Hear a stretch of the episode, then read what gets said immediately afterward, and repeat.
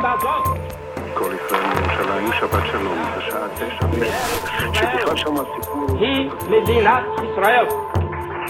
Israël in Nederland. Dit is de podcast van de ambassade van Israël die wij wekelijks in het weekend uploaden op ons Soundcloud-kanaal. In de podcast is er aandacht voor het grote verhaal van Israël, maar ook oog voor detail. Gesprekken met diplomaten en met gewone burgers. Joodse feesten, innovatie en toerisme. Ieder weekend dus de stem van Israël in Nederland.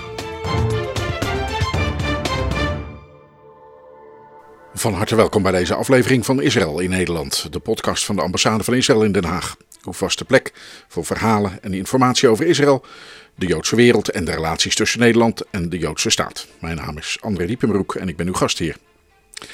Al een poosje hadden wij op de ambassade de wens om eens iets met Joodse en Israëlische kunst te doen. En dan in het bijzonder muziek. De kunsten hebben zwaar te lijden gehad onder de coronapandemie en het leek ons gewoon goed om cultuur die met Nederland, met Israël en met de Joodse wereld te maken heeft, bij ons een podium te bieden. Mijn collega Nathalie Chatashvili, die cultuur in haar pakket heeft, is rond gaan kijken en met trots krijgt u daarvan de eerste aflevering te horen, sopraan Ganna Malkin. Ganna is werkzaam als sopraan in de wereld van de klassieke muziek, maar ze wil eigenlijk die wereld naar jongeren brengen, uit het stoffige en elitaire weghalen. Ze is nog niet zo lang geleden moeder geworden en dat heeft een enorme invloed gehad op haar ontwikkeling, haar persoonlijkheid en zelfs haar stem. Daar herkennen we allemaal wel iets in, denk ik. Ze maakte daarover een nieuw album, waarin ook haar vader een rol speelt en de Joodse componist die eenzelfde geschiedenis doormaakte als haar grootouders, Misislav Weinberg. Kortom, dit is niet zomaar een beetje luisteren naar muziek en zang, dit is een belevenis. En een belevenis die wij gaan meemaken in deze aflevering.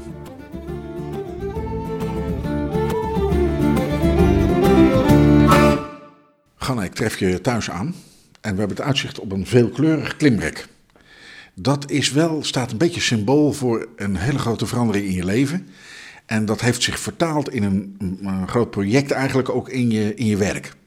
Toch? Inderdaad, ja, het klimrek is van mijn zoontje Ezra, die is twee. Uh, en ik, uh, ik merkte dat ik uh, toen ik moeder werd, eigenlijk als artiest daar heel erg door geïnspireerd werd. En ja, daardoor ben gegroeid, als persoon natuurlijk ook. En dat heeft geleid tot een, een nieuw album, This Is Not a Lullaby. En dat is helemaal, ja, dat draait helemaal om de transformatie naar het moederschap. Die, maar dat is wel echt, is het echt zo'n grote bij mij nou, moeder ben ik, ik ben natuurlijk vader geworden, maar dat is al een hele poos geleden. En ik herinner me nog uh, dat het veel druk was en uh, met luiers en allerlei andere dingen. Maar is het echt zo dat je ook zeg maar, als artiest je enorm. kun dat onder woorden brengen? Hoe dat dan is? Wat, wat gebeurt er dan met je? Dat je, nee, je bent sopraan. Uh, ga je dan anders zingen? Krijg je, krijg een andere stem? nou, wel een beetje. Ja, dat is er wel onderdeel van. Want je, die zwangerschap sowieso geeft... Ja, je lichaam verandert heel erg. En ik merkte dat mijn stem eigenlijk wel een beetje... Ja, wat meer rond en uh, ja, warmere kleur heeft gekregen. En ik heb ook wat noten erbij gekregen in de hoogte en de laagte, allebei. En dat is echt gebleven ook. Dus dat was sowieso een leuke bijkomstigheid. Maar vooral ja, als persoon ik denk als, als muzikus dan uh, hang je toch een groot deel van je identiteit echt op aan het muziek maken. En het, wordt, het is heel belangrijk in je leven, want ja, zo definieer je jezelf. Dus als je dan succes hebt, dan, weet je, dan ben je heel blij, dan gaat het fantastisch. Maar als je een keer een tijdje een lege agenda hebt of je hebt een wat minder optreden, ja, dan kan je ook vaak wel heel slecht voelen over jezelf en heel veel zelfkritiek hebben. Maar wanneer je dan zo'n ingrijpend iets meemaakt als een kind krijgen. En je hebt ineens zo'n ander persoon waar je verantwoordelijk voor bent. En waar je gewoon zo ongelooflijk veel van houdt. Ja, dan. Uh, ja, dat plaatst gewoon in perspectief. Dan, ja, al, al die werkdingen zijn dan ineens gewoon niet meer zo super belangrijk. En dat geeft ook een vrijheid, omdat je, ja, dan kan je gewoon echt genieten van wat je aan het doen bent. Zonder dat je zo extreem veel druk op jezelf legt, zoals wij soms muzici wel en andere artiesten ook wel kunnen doen. Maar waarom um, gaat die druk dan eraf? Of doe je dat gewoon zelf? Zet je gewoon een soort knop om? Ja, het gaat geleidelijk, denk ik. Um, en natuurlijk, het is natuurlijk deels. Het is niet dat het ineens helemaal weg is of zo. Ik bedoel, nog steeds heb ik wel soms stress over mijn optredens en dat soort dingen. Maar ja, je kan er toch sneller jezelf voor overheen zetten en het relativeren en denken van ja, waar ben ik mee bezig, weet je wel? Ik ga gewoon lekker muziek maken en ja, die knop omzetten, dat gaat wel makkelijker. En, en ja, is dat, eh, eh, eh, wa- waarom is dat dan, denk je? Is dat puur van, nou ja, je, bent, je hebt een heel ander perspectief gekregen? Doordat je, hè, wat je net zelf zegt, je hebt iemand om voor te zorgen en nou, daar hou je ongelooflijk van. En daardoor ja, verandert je perspectief, word je misschien een ander mens. Nou, ik, ik kan het denk ik het beste illustreren met een voorbeeld. Eh, want toen ik eh, ongeveer twaalf weken na mijn bevalling ben ik weer aan het werk gegaan. En toen had ik in één keer dertig voorstellingen van eh, mijn eigen operavoorstelling... die ik zelf heb ontwikkeld samen met mijn collega Anastasia Kozlova. Eh, en dat, wij hadden echt heel hard gewerkt om dat op de planken te krijgen. Dus ik wilde dat ook absoluut doen. Eh, het was dus de zomer van 2019. En ik was, nou, Ezra was toen drie maanden. Ik was fulltime borstvoeding aan het geven. En wij hadden dus twee, drie shows op een dag. Bij eh Theaterfestival De Parade en nog een paar andere festivals, Grachtenfestival. Eh, en ja, dat was gewoon echt een gekkenhuis. En we zaten het echt midden in die gebroken nachten. Ik was echt super moe. Eh, en tegelijkertijd moest ik wel gewoon echt ja, een topprestatie leveren. En wat ik merkte was dat ik gewoon zo genoot van weer mijn werk doen en even uit die babybubbel te komen en weer te voelen van, oh ja, dit ben ik eigenlijk. Ik ben gewoon ook een persoon en niet alleen maar dat ik ineens ben veranderd in een moeder en verder niks. En dat, ja, het was gewoon heerlijk om weer mijn werk te doen. En ik merkte dat ik eigenlijk al die soort van routines die je dan hebt als, als artiest. Van voor het concert moet je dan rust hebben. En je hebt een bepaalde soort van routine. Zeker klassieke muzici hebben dat denk ik misschien nog wel meer dan, dan mensen uit jazz en pop. Uh, maar misschien is dat ook onzin. maar in ieder geval, ja, je hebt gewoon niet de kans om, uh, ja, om erover te gaan stressen of om ook echt heel veel rust te gaan nemen. Maar ik merkte wel dat mijn kwaliteit van optreden eigenlijk alleen maar erop vooruit ging. En dat heeft een beetje mij doen inzien hoe je, als je echt een uitdaging tegenkomt, dat je daar juist sterker van wordt. Dat is wel apart, had je dat gedacht? Nee, ik dacht eigenlijk gewoon van ja, ik weet niet hoe ik dat ga doen en ik weet niet hoe ik hier doorheen ga komen. Maar ik had ook geen tijd om me er zorgen over te maken, want ik was gewoon heel moe. En ik moest voor het kind zorgen en ook mijn optredens doen. En ja, dan heb je niet de ruimte om nog te stressen over dingen. Ik kan me wel voorstellen eh, dat je dan, nou ja, je zegt zelf al dat je ontzettend moe bent.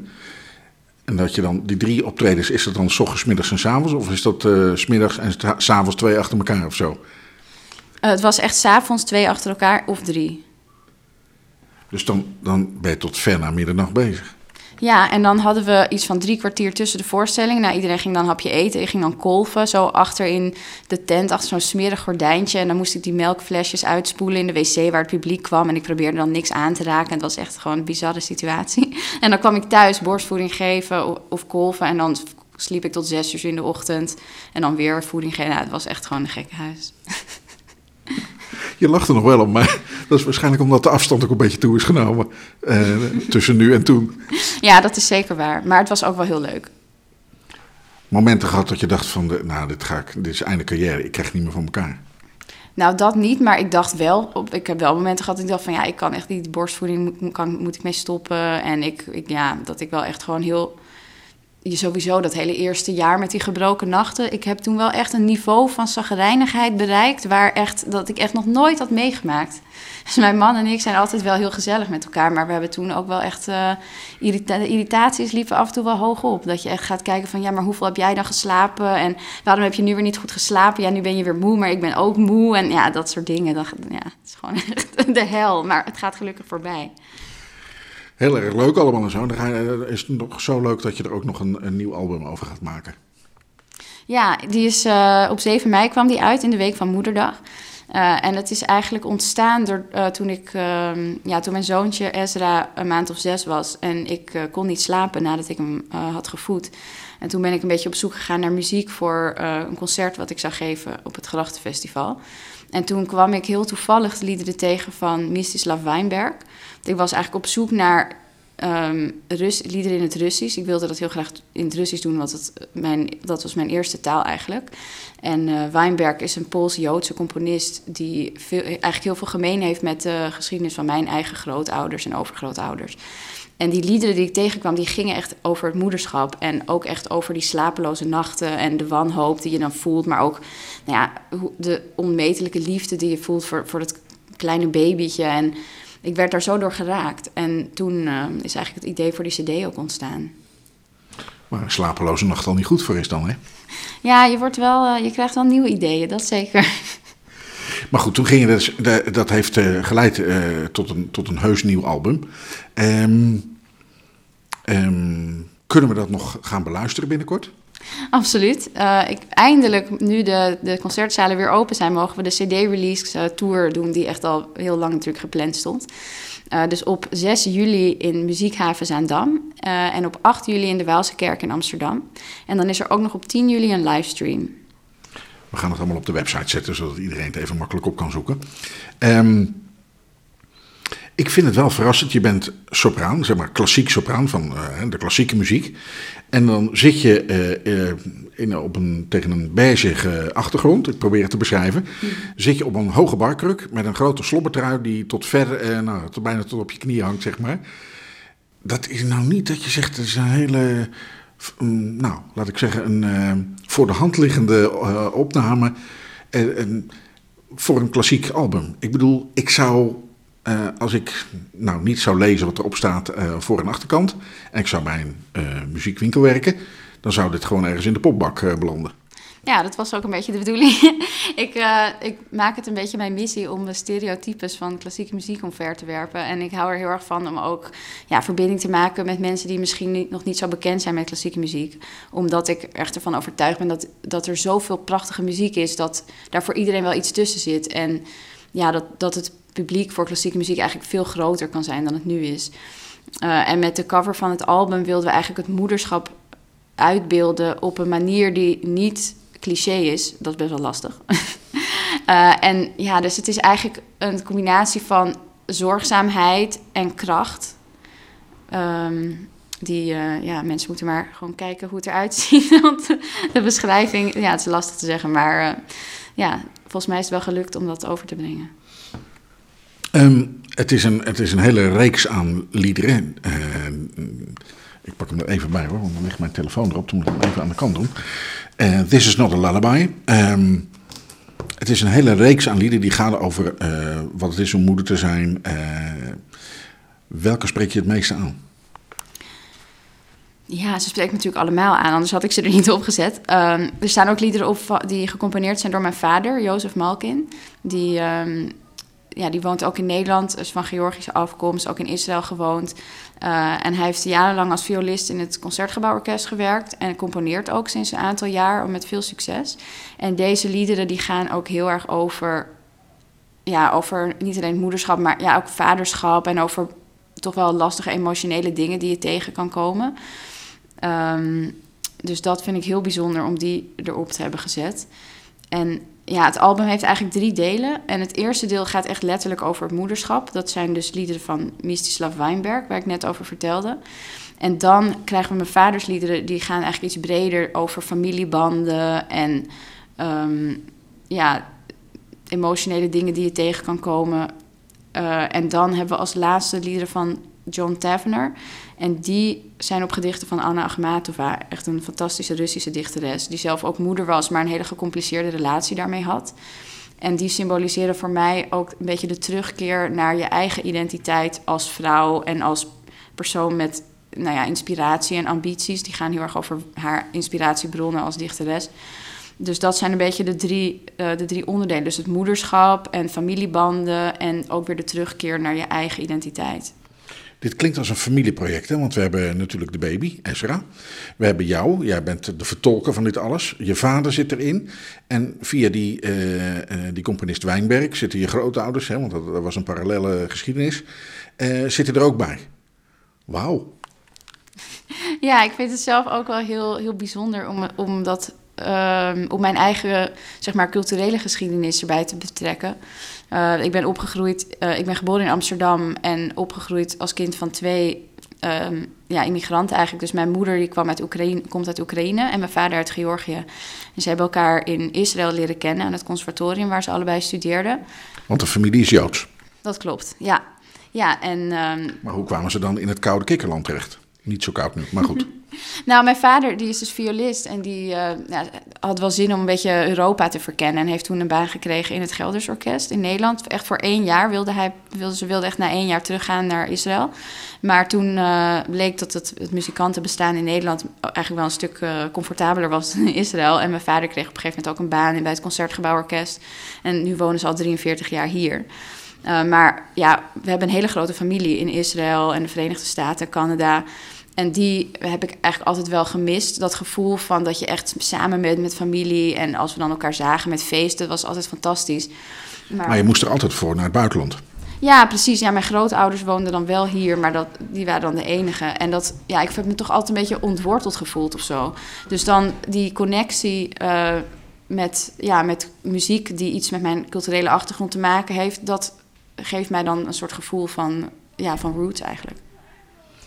En nu ligt hij op tafel. Um, wat voel je erbij dan? Want je zegt het heeft alles te maken met mijn gevoel van uh, nou, ontheemd zijn, een klein beetje, om het maar even zo te zeggen. Uh, nou, dan ligt het resultaat uh, voor ons hier. Dat moet toch, ja, ik weet niet, ik ga het niet invullen. Ja, ik ben er super trots op. Ik, bedoel, ik heb er echt wel een jaar aan gewerkt en ik ben heel blij met, ja, met hoe het is geworden. En het is ook echt een heel persoonlijk project. Natuurlijk, ja, zowel vanwege het moederschap als vanwege die culturele achtergrond. En ja, ik wil gewoon ze graag met zoveel mogelijk mensen delen. En ook, ja, ook het verhaal eromheen vertellen. En ik ben heel blij dat we het nu ook live kunnen gaan uitvoeren. Die hele grote familie hè? In, in Israël en in Amerika en zo, wat vonden die ervan? Ja, die uh, een aan... begrijpen er niks van, want het was in het Nederlands. nou, het is, ja, de liederen zijn in het Russisch natuurlijk, dus dat begrijpen ze wel. En ja, ze zijn super trots en heel veel van hen hebben de CD ook al, uh, al binnengekregen. En um, we hadden een crowdfunding actie gedaan. Uh, en heel veel, ja, een aantal van mijn familieleden hebben die ook gesteund. Echt super lief. En uh, ja, ze zijn allemaal heel, heel trots. En ze hopen allemaal dat ik daar in de buurt kom optreden. Dat hoop ik natuurlijk ook. Ja, vanzelf. Um, nou ja, dat zit er misschien nog niet uh, direct in. Uh, nou ja, goed, uh, op dit moment hoe de, hoe de, de internationale reisregels zijn ten aanzien van corona. Um, corona. Dat is niet leuk geweest hè, voor, voor artiesten. Nee, het is echt wat dat betreft echt een rampzalig anderhalf jaar geweest. Echt gewoon, ja, zoveel projecten die, die zijn geannuleerd en Um, ook eigenlijk volgend seizoen, je, je merkt gewoon dat, dat de effecten daarvan, die, die werken door lang nadat eigenlijk de maatregelen al voorbij zijn. En zelfs nu, ja, dingen zijn wel open, maar de capaciteit van de zalen is natuurlijk super beperkt. Dus heel veel dingen kunnen alsnog niet doorgaan. Maar ja, ik moet zeggen, wat me er echt doorheen heeft gesleept, is wel mijn zoontje. Want ja, alle tijd die ik niet aan mijn werk kon besteden, die heb ik dan toch wel iets super moois voor in de plaats gekregen. En ik, ja, ik geniet gewoon heel erg van de tijd met hem. En nu is het weer echt gekke huis, omdat alle concerten dan weer in één keer achter elkaar gaan plaatsvinden. Dus ik heb nu echt veertien concerten in twee weken of zo. Uh, en ik, ja, ik ben heel blij dat het weer van start gaat. En ik hoop ook echt dat, dat mensen nu dat we zo lang eigenlijk geen live muziek hebben gehad, zich ook realiseren hoe waardevol het is. En ja, ook de kunsten misschien wat meer gaan steunen. Want het is gewoon een heel kwetsbare sector die gewoon niet de capaciteit heeft om, ja, om dit soort dingen te doorstaan. Dus ja, ik hoop dat, dat we daar misschien wel op den duur sterker uit kunnen komen. En dat heeft ook heel erg te maken met hoe het publiek er tegenaan kijkt. Het jongere publiek kijkt tegen klassieke muziek aan. Ik ga nou even natuurlijk een beetje zitten narren. Maar het kijkt tegen klassieke muziek aan als saai en als, uh, ja, weet ik veel, een heleboel hotel. Uh, uh, nou ja, pronkerig en protserig gedoe. Uh, we willen gewoon lekkere muziek waar die we mee kunnen zingen. Wat zeg jij dan?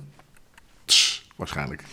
Nou, dan zeg ik uh, dat die muziek binnen de klassieke muziek ook zeker er is. En ja, het is wel waar dat het echt een heel elitair en ingewikkeld imago heeft. En oudbollig ook wel.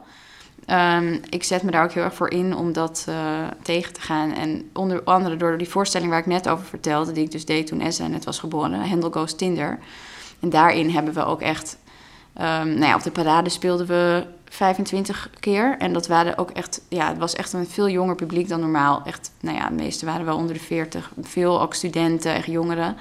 En die kwamen na afloop naar ons toe van, ja, we hebben weet je, ik heb nog nooit een opera gezien, maar dit was echt fantastisch. Of ik dacht dat opera heel saai was, maar dit was echt, ja, mensen zaten ook echt keihard te lachen en we waren elke voorstelling uitverkocht. Dus mensen zagen Handel Goes Tinder staan en ze dachten, ja, hier moet ik heen.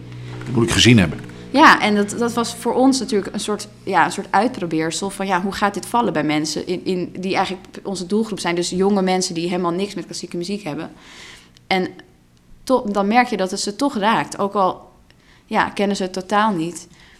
En ik denk dat, uh, dat er heel veel mogelijk is en dat, dat er heel veel mooie muziek is die mensen, ja, die mensen kunnen waarderen zonder er ook maar enig begrip van te hebben of kennis. Dat is gewoon niet nodig, want de muziek die, die is zo puur, dat, dat raak je gewoon, ook al versta je er geen woord van. Handel Goes Tinder. Kun je dat even uitleggen? Nou, ja, 18e eeuwse opera-componist Handel schreef heel veel opera's. Uh, gingen met name over de liefde.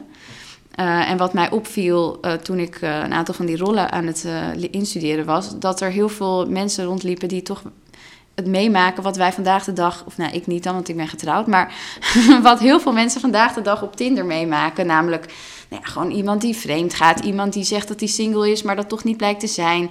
Iemand die misbruik uh, maakt van zijn geliefde voor zijn eigen gewin. Nou ja, heel veel herkenbare verhalen en prachtige muziek. Dus... Wacht even, en, en Hendel verwerkte dat allemaal in zijn opera's, zulke soort dingen, die thema's? Absoluut, ja, echt. Uh... Zo kennen we hem niet, want Hendel kennen we vooral van de grootste opvoeringen van, uh, wat is het ook weer, de Messiah. Messiah, ja, de Messiah, dat is eigenlijk het uh, halleluja. Nou ja, dat is wat iedereen kent. Maar er zit, ja, hij heeft nou ja, echt tientallen opera's geschreven en daar zitten allemaal van dit soort verhalen in. Nou ja, dus dat moest ik natuurlijk vertellen. en het, zijn, het is gewoon de meest prachtige muziek, je weet niet wat je hoort. En dat uh, hebben wij dus uh, samen met violiste Anastasia Kozlova hebben wij een verhaal bedacht. En ook met de regisseur Michael Diedrich, echt fantastische musical- en comedy-regisseur. En daar hebben wij dus een heel verhaal van gemaakt. Waar je dus één hoofdpersoon, Dorinda, dat ben ik dan. Die gaat op Tinder en ontmoet al die verschillende mannen uit de opera's. En dat zie je dan op schermen. Zie je dus al die dates en die Tinder-profielen en zo. En ja. Dat zijn dan allemaal mensen met uh, pruiken en, en hoge kousen en zo uit die tijd van Hendel, of niet? Of zijn dat mensen gewoon van de wereld van nu? Dat zijn gewoon mensen van de wereld van nu. Want ja, we halen het naar vandaag. Dus ja, dat uh, is gewoon een echte moderne verhalen, maar wel gebaseerd op die verhalen van toen, met de muziek van toen, die dus nog steeds super actueel is. Je zei, uh, je, je, weet niet wat je hoort. Ik wil wel wat horen. Oh, van Hendel. Die had ik niet op gerekend om dat vandaag te zingen.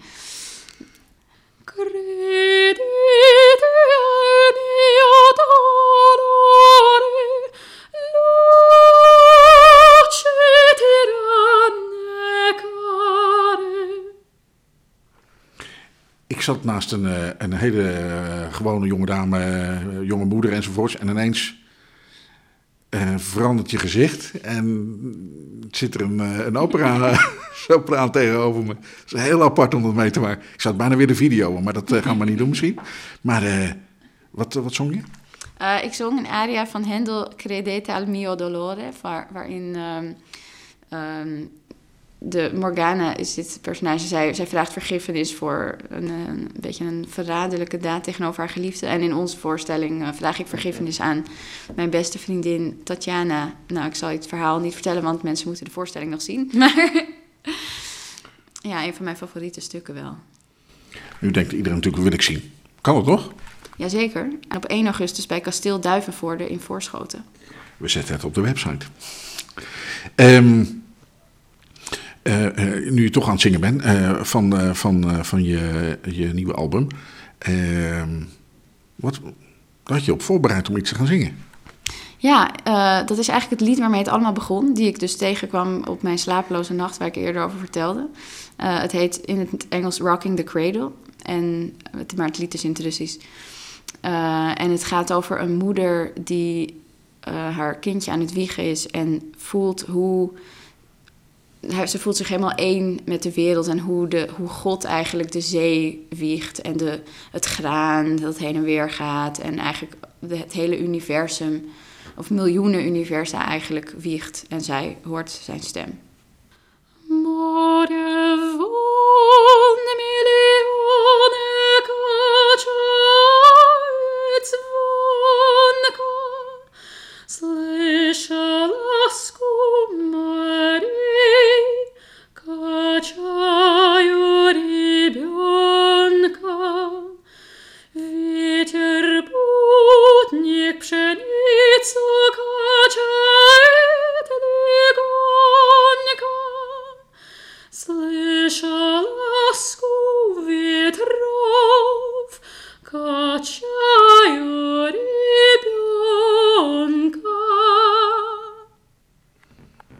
Heel apart weer om mee te maken. We, ik zit, eh, nu eh, zitten we natuurlijk in een Russische setting, waar het vandaan Dit is een van die liederen van, die jij eh, s'nachts gevonden hebt van die eh, componist Wijnberg.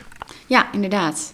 Ja, Weinberg was wel echt een heel eh, interessant verhaal eigenlijk. Hij, hij kwam dus uit Warschau. Eh, en zijn vader was een van de oprichters van het Jiddische theater daar, wat echt enorm populair was. En hij speelde als tienjarig jongetje al als pianist in dat theater. Maar toen ehm, de Tweede Wereldoorlog uitbrak, is hij gevlucht als enige van zijn familie naar Rusland. Eh, zijn familie zijn allemaal omgekomen, vermoord. Eh, en hij belandde door, eh, op aanraden van Dmitri Shostakovich, dus een van de belangrijkste Russische componisten uit de 20e eeuw, belandde hij in Moskou en werd daar, hij raakte heel goed bevriend met Shostakovich.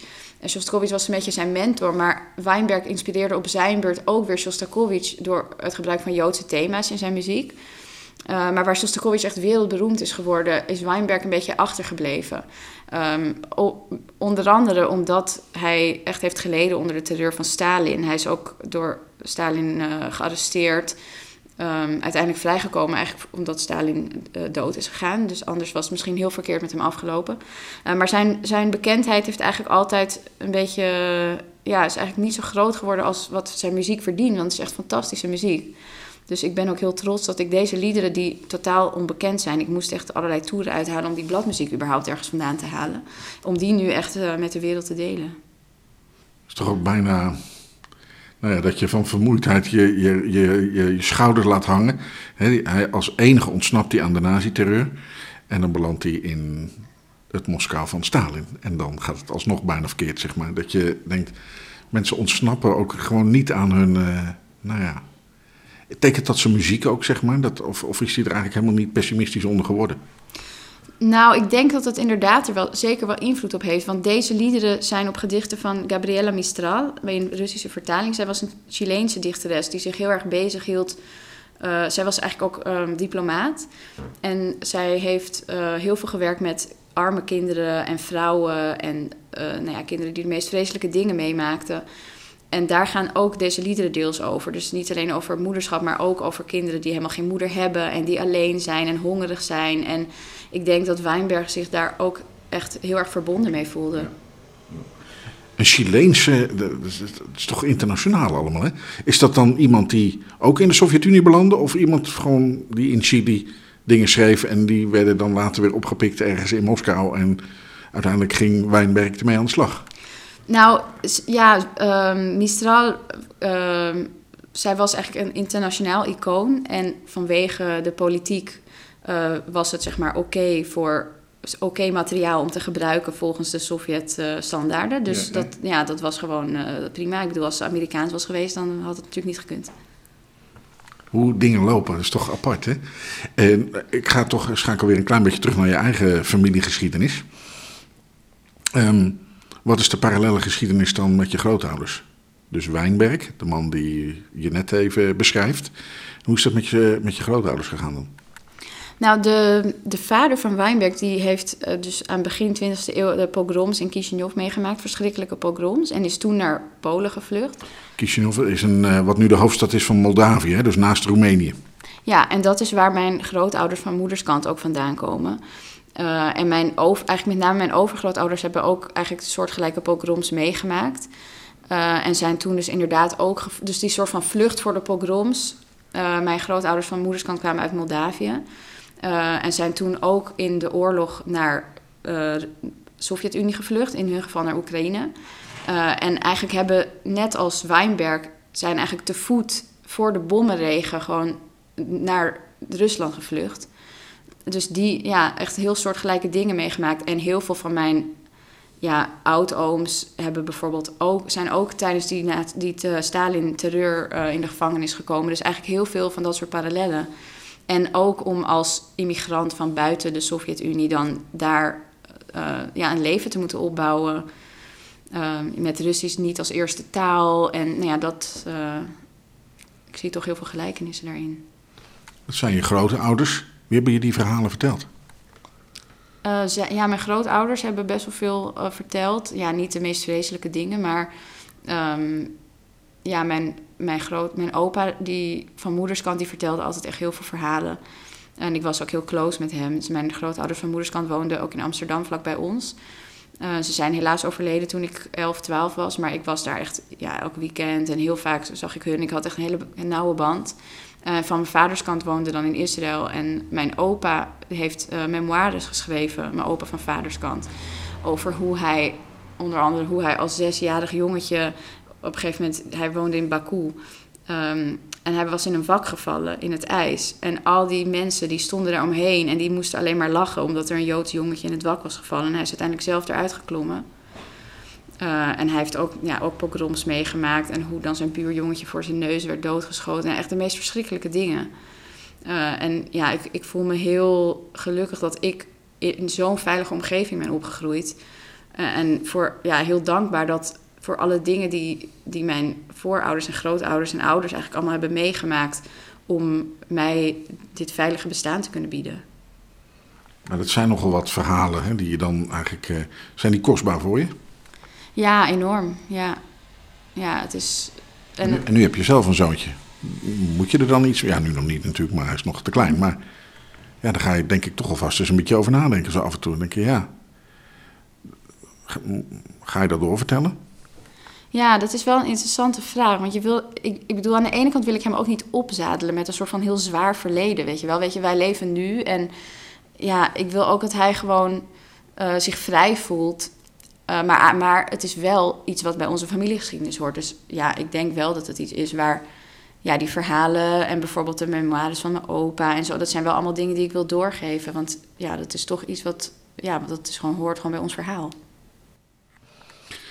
En dan je ouders, die belanden hier voor een soort uh, gap year, een soort uh, tussenjaar. En dat uh, liep finaal uit de hand. Dat werden de 40 of zo. En, um, dus, dus de familie Malkin is eigenlijk gewoon een Nederlandse familie uiteindelijk geworden.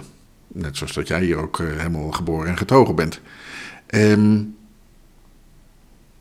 dan maak je deel uit van de Joodse gemeenschap hier en zo. is dat ook van invloed geweest op je liedkeuze en op je interesses in de richting van, nou, laat ik zeggen, waar je, waar je professioneel naar op zoek bent. Om wat dan jouw klank is in dat hele grote concert van al die mensen die aan het zingen zijn? Ja, absoluut. Ik ben daar echt mee bezig. En ik, ja, ik voel me dan toch aangetrokken wel tot muziek met een beetje ja, Joodse um, kenmerken. Um, mijn eerste cd met mijn duo-partner Isar Elias, een fantastische gitarist, dat waren allemaal Sephardische liederen. Um, ik ben zelf natuurlijk van Ashkenazische afkomst, maar ik heb echt iets met die Sephardische muziek, ook Spaanse muziek overigens. Uh, dus dat, ja, ik voel me daar zo, ik voel daar zo'n band mee. Om, en ik heb een hele intuïtieve manier om dat, ja, om daarmee om te gaan met die muziek. Dus ik vind het heerlijk om daarmee bezig te zijn. En natuurlijk ook dit album dan. Um, en ik heb ieder jaar in de liberale synagoge in Amsterdam uh, organiseer ik een concert uh, of festival, mini-festival zelfs uh, Joods klassiek. Dus dan om eigenlijk de muziek van Joodse klassieke componisten onder de aandacht te brengen. En de laatste jaren merk ik ook wel dat er best veel mensen van buiten de Joodse gemeenschap op afkomen. Dus ik vind dat heel leuk om ook de Joodse cultuur eigenlijk op een positieve manier uh, naar ja, onder voetlicht te brengen. Want heeft die cultuur dat nodig? Of is het iets wat langzaam, ja, laat ik zeggen, toch verdampt of zo? Omdat de gemeenschap kleiner is en misschien wel kleiner wordt. Dat weet ik ook niet. Maar dat je, dat je zegt van ja, we moeten iets redden wat anders toch verdwijnt. Ja, in zekere zin wel. Ik bedoel, de Joodse gemeenschap is best wel klein. En um, ja, de manier waarop naar Israël en ook Joden eigenlijk wordt gekeken, wordt eigenlijk steeds negatiever. En ja, het is alleen maar dan in het nieuws wanneer er in Israël iets aan de hand is. En ja, dan krijg je natuurlijk superveel echt hele negatieve reacties.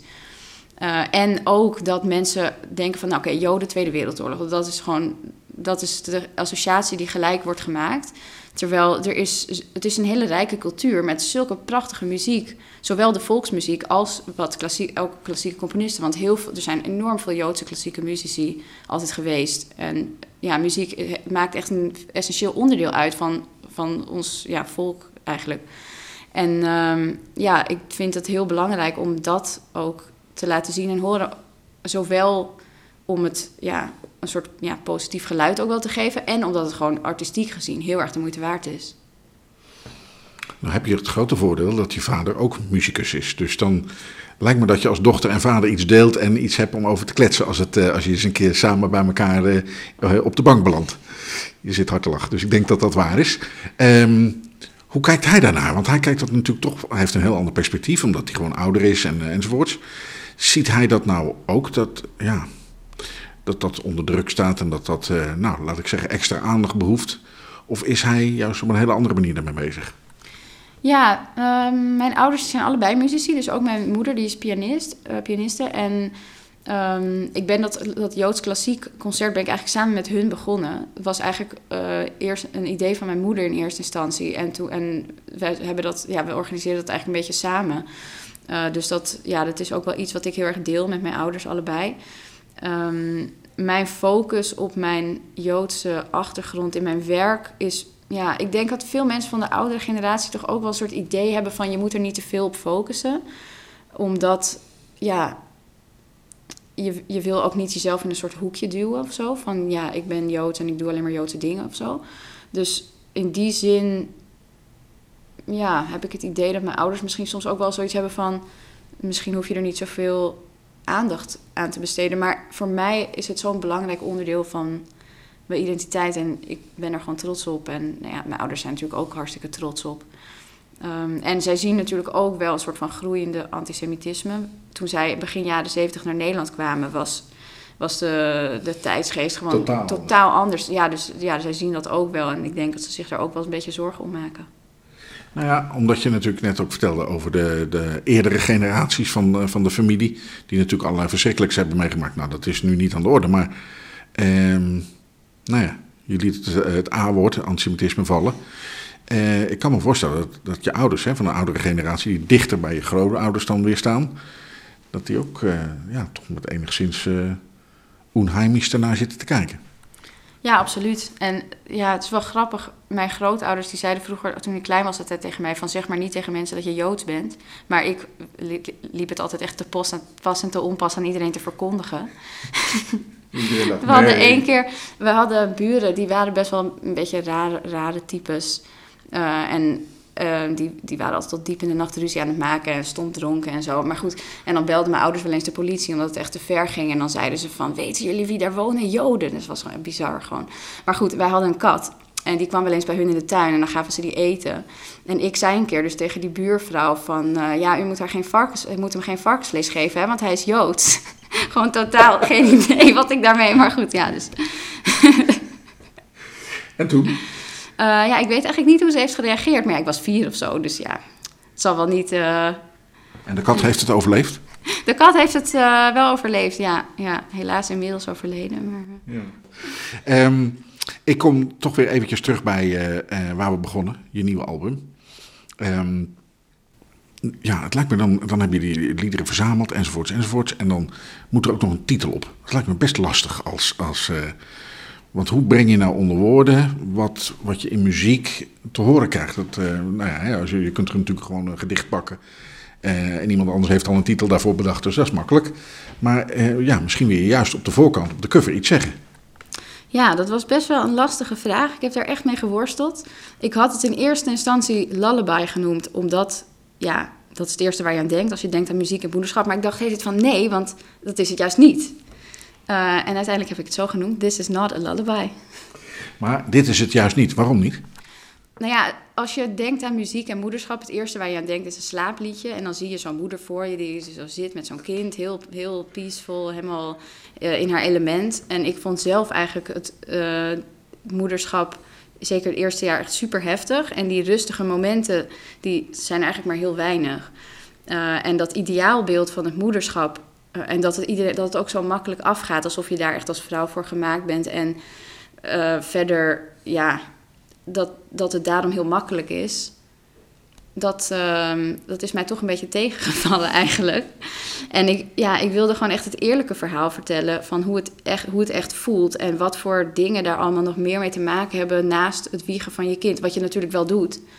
Maar het is echt niet alleen maar een soort van rustig in de stoel zitten en slaapliedjes zingen. Wat is het nog meer? En dat vinden we natuurlijk terug in de, in de liedjes op het, uh, of in de stuk op het album. Maar wat is het nog meer? Ja, het is aan de ene kant een soort ongelofelijke blijdschap en diepte van liefde die je voelt, die gewoon met niks verder te vergelijken is eigenlijk. Uh, en het is ook een, ja, je moet, moet, je, je belandt echt in die wolk van, van dat nieuwe moederschap. En tegelijkertijd ben je ook nog steeds wel de persoon die je ooit was. En je hebt ook je eigen uh, interesses. En dat is toch ook weer iets waar je dan een beetje je weg naar terug wil vinden. Um, en het is een soort confrontatie ook met, met jezelf, met, met bepaalde aspecten van je karakter en met je geduld ook. Je moet heel veel geduld hebben en je kan niet, je kan niet de dingen be, be controleren. Want ja, ik bijvoorbeeld ben best wel iemand met perfectionistische neigingen. Nou ja, als je alles goed wil doen, nou ja, dit is gewoon... ik ga al een beetje zitten lachen. ja, je vertelde net dat je drie kinderen hebt, dus je weet waar ik het over heb. Weet je, die kinderen die doen wat ze doen. En je hebt er best, best wel weinig invloed eigenlijk op. Dus ja, je, je wil toch... Het is toch echt een, een, uh, een persoonlijke groei waar je doorheen gaat. En dat, dat is uh, de, het, ja, slaapliedjes dekken gewoon niet de lading daarvan. En dit is allemaal te vinden op dat album van jou? Absoluut. This is not a lullaby. Ik zeg kopen met z'n allen.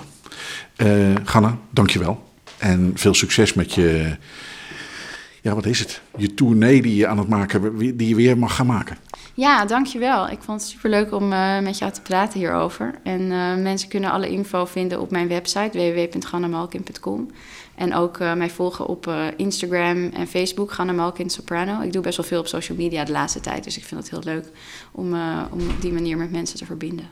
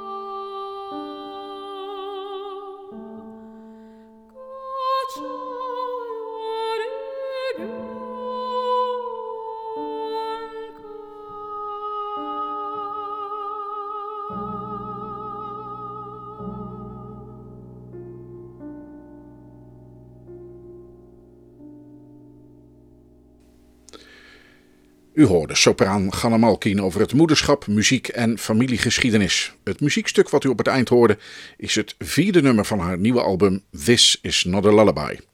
En het nummer heet Rocking the Cradle. Schommelen met de wieg. En het is dus geschreven door die bijzondere Joodse componist Misislav Weinberg. Door de versoepelingen van de coronamaatregelen kunnen ook de kunsten weer aan de slag. U kunt Ganna Malkin zien en horen optreden op de volgende data haar CD-release tour, lang uitgesteld, maar nu toch te bezoeken, op 6 juli in Muziekhaven Zaandam en op 8 juli in de Waalse Kerk in Amsterdam. De links naar deze avonden staan op onze Facebook en Soundcloud pagina's. Als u erop klikt, krijgt u meer informatie te zien en kunt u ook kaartjes bestellen.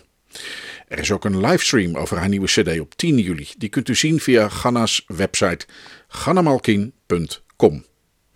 En de eerstvolgende datum voor Handel Goes Tinder is op 1 augustus in kasteel Duivenbode in Voorschoten. Ook hiervan is de link op onze sites te vinden. Wij komen hiermee aan het einde van deze podcastaflevering van Israël en Nederland. Vergeet u niet volger te worden of anderen aan te raden dat te doen. Zo blijven u en uw kennissen steeds op de hoogte van wat we doen. Dat kan via Spotify, Overcast, TuneIn, Stitcher of gewoon via ons Soundcloud-account. soundcloud.com slash Nederland. Voor wat ons betreft, dank voor het luisteren en graag tot binnenkort.